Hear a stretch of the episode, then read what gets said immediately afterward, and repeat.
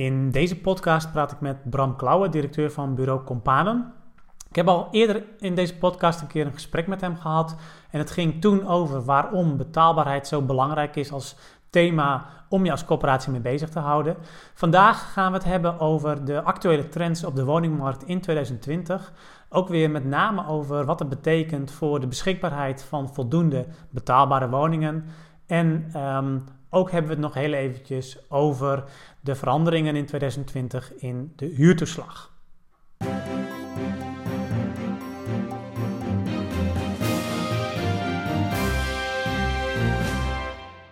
Ja, welkom uh, Bram in, uh, in deze podcast. Voor de tweede keer al uh, dat je te gast bent in deze podcast. Um, en ook voor de tweede keer trouwens dat we het over betaalbaarheid hebben. Om te beginnen, jullie hebben onlangs weer de 10 trends voor de woningmarkt en leefomgeving gepubliceerd. Doen jullie volgens mij al een uh, aantal jaren elk jaar. Dus dit keer de 10 trends voor 2020. Kun je daar iets over zeggen? Wat zijn de belangrijkste trends voor 2020? Nou, wat we dit jaar anders hebben gedaan dan vorige jaren in die 10 trends is dat we toch wat activistischer hebben gemaakt. In de zin mhm. van dat het gewoon dat ingrijpen in die woningmarkt nu echt heel hard noodzakelijk is. Dat zie je ook aan alle acties de afgelopen uh, maanden uh, over de wooncrisis. En dat mhm. is niet alleen maar uh, geroepen, er is ook gewoon echt iets aan de hand. Er zijn te weinig woningen, er zijn te weinig oplossingen voor mensen die acuut een woning zoeken. Mhm. En aan de onderkant van de woningmarkt doet dat zich het meest heftig uh, voelen. En dat, uh, ja, dat zie je ook in die trends terugkomen. Uh, er moet gewoon ingegrepen gaan worden in de woningmarkt. Alleen, ja, partijen houden elkaar nog wel heel erg in de greep. Ja. En zijn nog weinig bereid om echt af te, af te stappen van stokpaardjes. Ja, en dan aan de onderkant specifiek, hè, want nou ja, als je het ook hebt over de betaalbaarheid, dan is de onderkant van de, uh, van de woningmarkt is, is een belangrijk onderdeel daarvan. Ja. Daar, daar voelt dat het, het heftigste. Kun je, daar, kun je daar een voorbeeld van geven, wat, wat daar gebeurt? Nou, wat je ziet is dat de uh, sociale huurmarkt redelijk op slot zit. Mm -hmm. uh, eigenlijk niet meegroeit met de behoeften. de afgelopen jaren. Ja. Maar dat er wel steeds meer mensen zijn die op zoek zijn naar een betaalbare ja huurwoning. En dat zijn uh, mensen die in een echtscheidingssituatie terechtkomen. Het zijn mensen die vanuit zorginstellingen naar de sociale huur uh, toegaan. Maar het zijn ook bijvoorbeeld arbeidsmigranten. Uh, die, ja, dat is, dat is een behoorlijke groep die mm -hmm. um, in Nederland ook zich definitief vestigen. Ja. En dan ook weer voor een belangrijk deel in de sociale huur terechtkomen. Ja. En al die groepen wil je een plek geven. En dan hebben we het nog niet eens over de jongeren die uh, van huis uit eigenlijk een start willen maken en er maar niet tussenkomen. Ja, dus dan is het eigenlijk vooral ook een uh, beschikbaarheidsprobleem. Het is, het is een beschikbaarheidsprobleem, maar ook een betaalbaarheidsprobleem, omdat men op andere plekken niet die woningmarkt op kan. Nee, precies. Want jullie hebben het ook over nieuwe concepten hè, voor middengroepen. Hè? Want, want ja, middenhuur is dan nog misschien een plek waar mensen dan wel eventueel terecht zouden kunnen. Uh, alleen ja, dan uh, betalen ze natuurlijk een hele, uh, hele hoop geld. Ja. Terwijl ze tegelijkertijd geen vermogen opbouwen. En, en daarvan zeggen jullie van ja, ook daar zou je eigenlijk weer nieuwe concepten voor moeten ontwikkelen. Om die groepen wel, ja, dat, dat ze ergens kunnen wonen tegen een betaalbare prijs. Of, en dan hebben we het nog niet eens helemaal over de onderkant van de markt natuurlijk. Hè, want die kunnen sowieso niet die woningen betalen.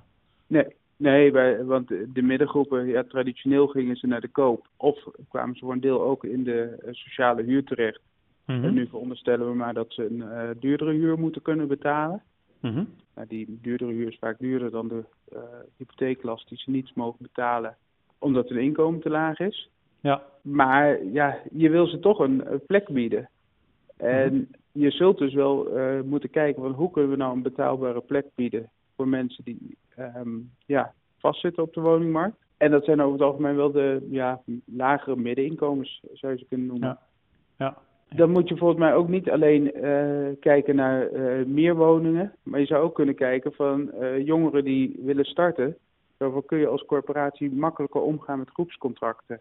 Ja. Friendscontracten. En op die manier ja, jongeren in ieder geval een kans geven op die woningmarkt. En met de ruimte die je hebt, die ook effectiever te benutten. Ja, dus daar ligt ook al, al een, al een uh, hele concrete tip dan voor corporaties om op redelijk korte termijn daar ook al uh, wat aan te doen. Ja, je zult het vraagstuk moeten oplossen.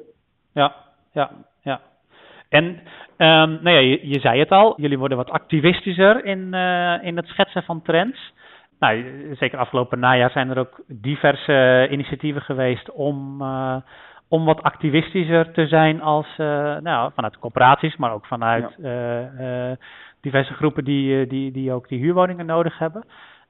waar zie je dat dat naartoe gaat? Ja, zien of hopen? Um... Nou ja, ik, ik, ik, ben vooral benieuwd naar het zien. Want ik, ik, denk dat we met z'n allen wel hopen dat er uiteindelijk ook ja, meer betaalbare woningen beschikbaar komen. Maar ik ben, ja. ik ben vooral benieuwd naar wat, wat is jouw verwachting voor, voor dit jaar, waar dat toe gaat leiden? Nou, even, wat ik zie is aan de ene kant, waar je het hebt over de politiek, dat er ook wel meer bereidheid is om na te denken over degelijke maatregelen. Bijvoorbeeld een uh, investeringsmogelijkheid bij uh, bouwen van nieuwe sociale huurwoningen. Dus die 25.000 euro die in stedelijke gebieden is opgenomen. Ja. Dus in die zin begint de politiek wel wat beweging te komen. Uh, maar ik zie ook bij corporaties en uh, gemeenten die wel een beetje ja, zeg maar afstand doen van allerlei uh, hoogdravende eisen in kwaliteit. Mm -hmm. uh, en dan heb ik het niet over duurzaamheid. Want als je kijkt naar bijvoorbeeld, laatst heeft Onno Hoes als voorman van de NVM gepleit om dan met duurzaamheid wat, minder te doen. Volgens mij span je dan het paard achter de wagen. Mm -hmm. maar je kunt wel kijken van ja, moet, ja welke stedenbouwkundige kwaliteit, welke woonoppervlakte vinden we acceptabel om op die manier toch ook uh, meer variatie te brengen in het aanbod wat er is. Ja. Um, zonder dat je afbreuk doet aan bijvoorbeeld een uh, noodzakelijke opgave rond de energietransitie klimaatverandering.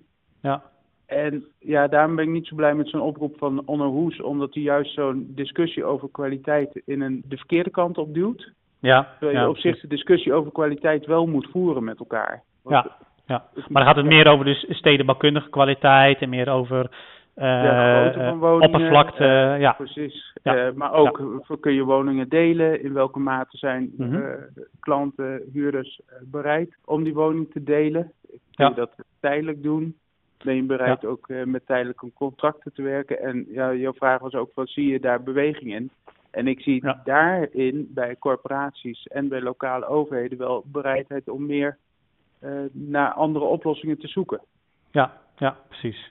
En, en, en, verwacht jij dat dat dan genoeg is? Hè? Want er zijn ook mensen die zeggen van ja, we moeten eigenlijk weer terug naar de situatie waarin we een, een, een, een minister van ruimtelijke ordening en volkshuisvesting hebben, die uh, gewoon plekken gaat aanwijzen waar uh, flink gebouwd kan worden. Hoe, ja, hoe kijk jij daar tegenaan? Ja, um, ik, ik ben heel erg voor een minister van Volkshuisvesting. Mm -hmm. uh, maar of, of je dan centraal plekken moet gaan aanwijzen waar gebouwd gaat worden, dat uh, vraag ik me heel erg af. Uh, ik denk, ja, het is altijd wel grappig dat Den Haag roept dat de gemeente en de corporaties het lokaal moeten oplossen. Mm -hmm. en dan weinig middelen meegeven. Vervolgens ja. zeggen ze van ja, je lost het lokaal niet op, dus we pakken het zelf weer open, want we kunnen het zelf beter ja, precies. Ja. Dat, zo werkt het niet. En op lokaal niveau, het zijn de aannemers, het zijn de corporaties, het zijn de gemeenten die mhm. gewoon uh, samen een plan moeten uitwerken. En dat leg je niet van bovenaf op. Maar wat je wel ziet is van, um, dat de samenwerking tussen gemeenten en corporaties en on ontwikkelaars veel intensiever kan op lokaal niveau. Ja. En ik zie daar ook wel voorbeelden Um, waar gewoon stappen worden gezet om in die samenwerking te kijken hoe kun je nou versnellingen aanbrengen. Ja. Hoe, hoe kun je belangen bij elkaar brengen. En dat is, uh, ja, dat is echt samen optrekken. Het is ontzettend dooddoener, maar dat gebeurt nog. Uh, ja, maar, maar ik, ik, hoor je eigenlijk twee, eigenlijk twee dingen zeggen. Aan de ene kant van, nou ja, heel goed als er een, een uh, meer aandacht komt voor, uh, voor volkshuisvesting, ook landelijk. Maar dan moet het vooral gaan over hoe geef je nou lokaal de juiste middelen mee, zodat lokaal uh, de goede afweging gemaakt kan worden. En um, als je dan lokaal bezig bent met verschillende partijen, gemeente, corporatie, bouwers, uh, dan, dan, dan is er ook nog wel wat te winnen in nog beter met elkaar samenwerken. Ja. En, ja, en elkaar ook beter te kennen en te begrijpen van wat heb je ja. nodig van elkaar in die samenwerking. Ja. Want nu ja, is het heel precies. vaak, ehm, de gemeente legt een norm op, de bouwer is het er niet mee eens, de corporatie staat buitenspel. Mm uh, nou, dan heeft de gemeente uiteindelijk met de bouwer uitonderhandeld. Dan wordt de corporatie benaderd. En uh, ja, uh, die zegt van ja, maar dit is nou net niet helemaal de goede locatie en het plan past niet helemaal. Mhm. Dus dan gaat de gemeente weer, of ja, dan gaat de bouwer, zie je wel, ze willen niet. De gemeente zegt, ja, maar jullie wouden toch zo graag, dus waar, waarom pak je nou niet door? Nou, zo hou je elkaar in een soort uh, greep. En vooral uit het niet elkaar goed snappen. En als je aan de voorkant er wel echt samen mee begint, dan kun je zeggen van nou, hoe gaan we dit plan dan opzetten? Wat heeft de marktpartij nodig? Wat heeft de corporatie nodig? Mhm. wat, kun je, nou ja, waar heb je misschien wat smeerolie nodig vanuit, vanuit de overheid. Dus ja, dus op die manier kom je een stuk verder. Ja, ja. Helemaal goed. Dus jij wilt niet, uh, niet terug naar de Finex, maar wel op een andere manier kijken naar het lokale proces. Naar, ja, het lokale proces. En, um, nou, want, want dan hebben we het eigenlijk gehad ook over hè, hoe, hoe zorg je nou voor dat er voldoende betaalbare woningen ook echt beschikbaar uh, komen. Want uh, ja, er is gewoon meer vraag naar dan dan het aanbod van nu. Um, tegelijkertijd zie ik ook, hè, in, in de cijfers zien we dat als je kijkt naar de ontwikkeling van de woonquote, dus, dus, dus welk percentage betaal je aan woonlasten als, als gezin. Maar ook als het gaat om uh, überhaupt uh, de huurprijzen uh, die er zijn, betalingsachterstanden, dan, dan zie je toch de laatste jaren dat dat wat stabiliseert. Hè, terwijl dat eigenlijk een aantal jaren geleden toch uh, redelijk de verkeerde kant op, op leek te gaan. Nu stabiliseert zich dat. Is er dan wat dat betreft ook nog iets te doen? Of, of, of, of, is vooral die beschikbaarheid van betaalbare woningen het, het hoofdprobleem en moeten we ons daar vooral op richten? Nou, de beschikbaarheid is wel op dit moment het hoofdvraagstuk, maar je moet je mhm. niet um, in slaap laten sussen doordat de huurquote gelijk blijft. Mhm. En zo'n huurquote is ook maar een betrekkelijk begrip, want uh, in de uh, ja, armoede waarin huishoudens leven, is huur wel een belangrijke uitgavenpost. Maar ook nog een redelijk voorspelbare uitgavenpost. Ja. Maar heel veel andere uitgavenposten die stijgen minstens zo hard mee. Dus dat armoedevraagstuk ja, wordt, wordt niet kleiner. Nee, dus, precies. dus, dus, er zit echt wel, um, ja, blijft gewoon continu aandacht vragen.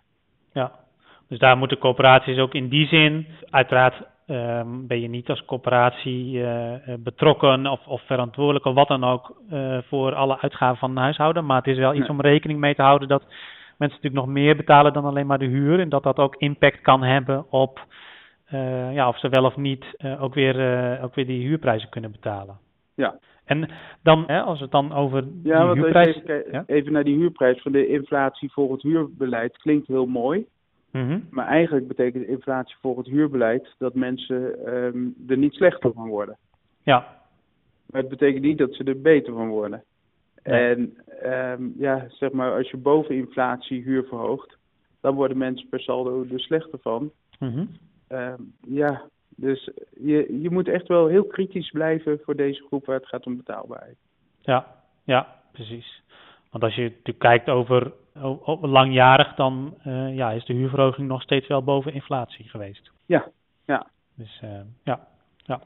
Als we het dan over de huurprijs hebben, dan, uh, dan, dan tot slot.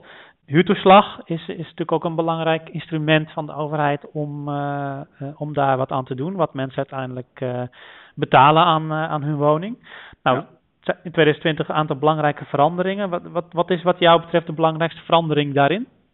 Nou, Om ook al even vooruit te lopen op wat je nog meer gaat vertellen tijdens, tijdens het seminar over betaalbaarheid op 2 april.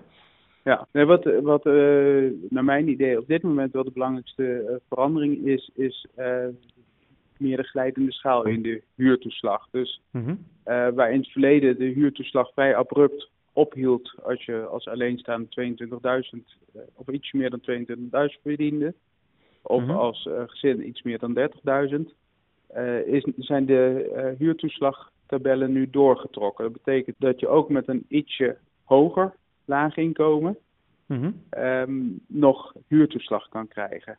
En dat is niet dat je nou meteen uh, het volle pond aan huurtoeslag krijgt, want er zit ook wel weer een afbouw in die inkomensafhankelijk is. Mm Maar het voorkomt in ieder geval dat er een armoedeval is.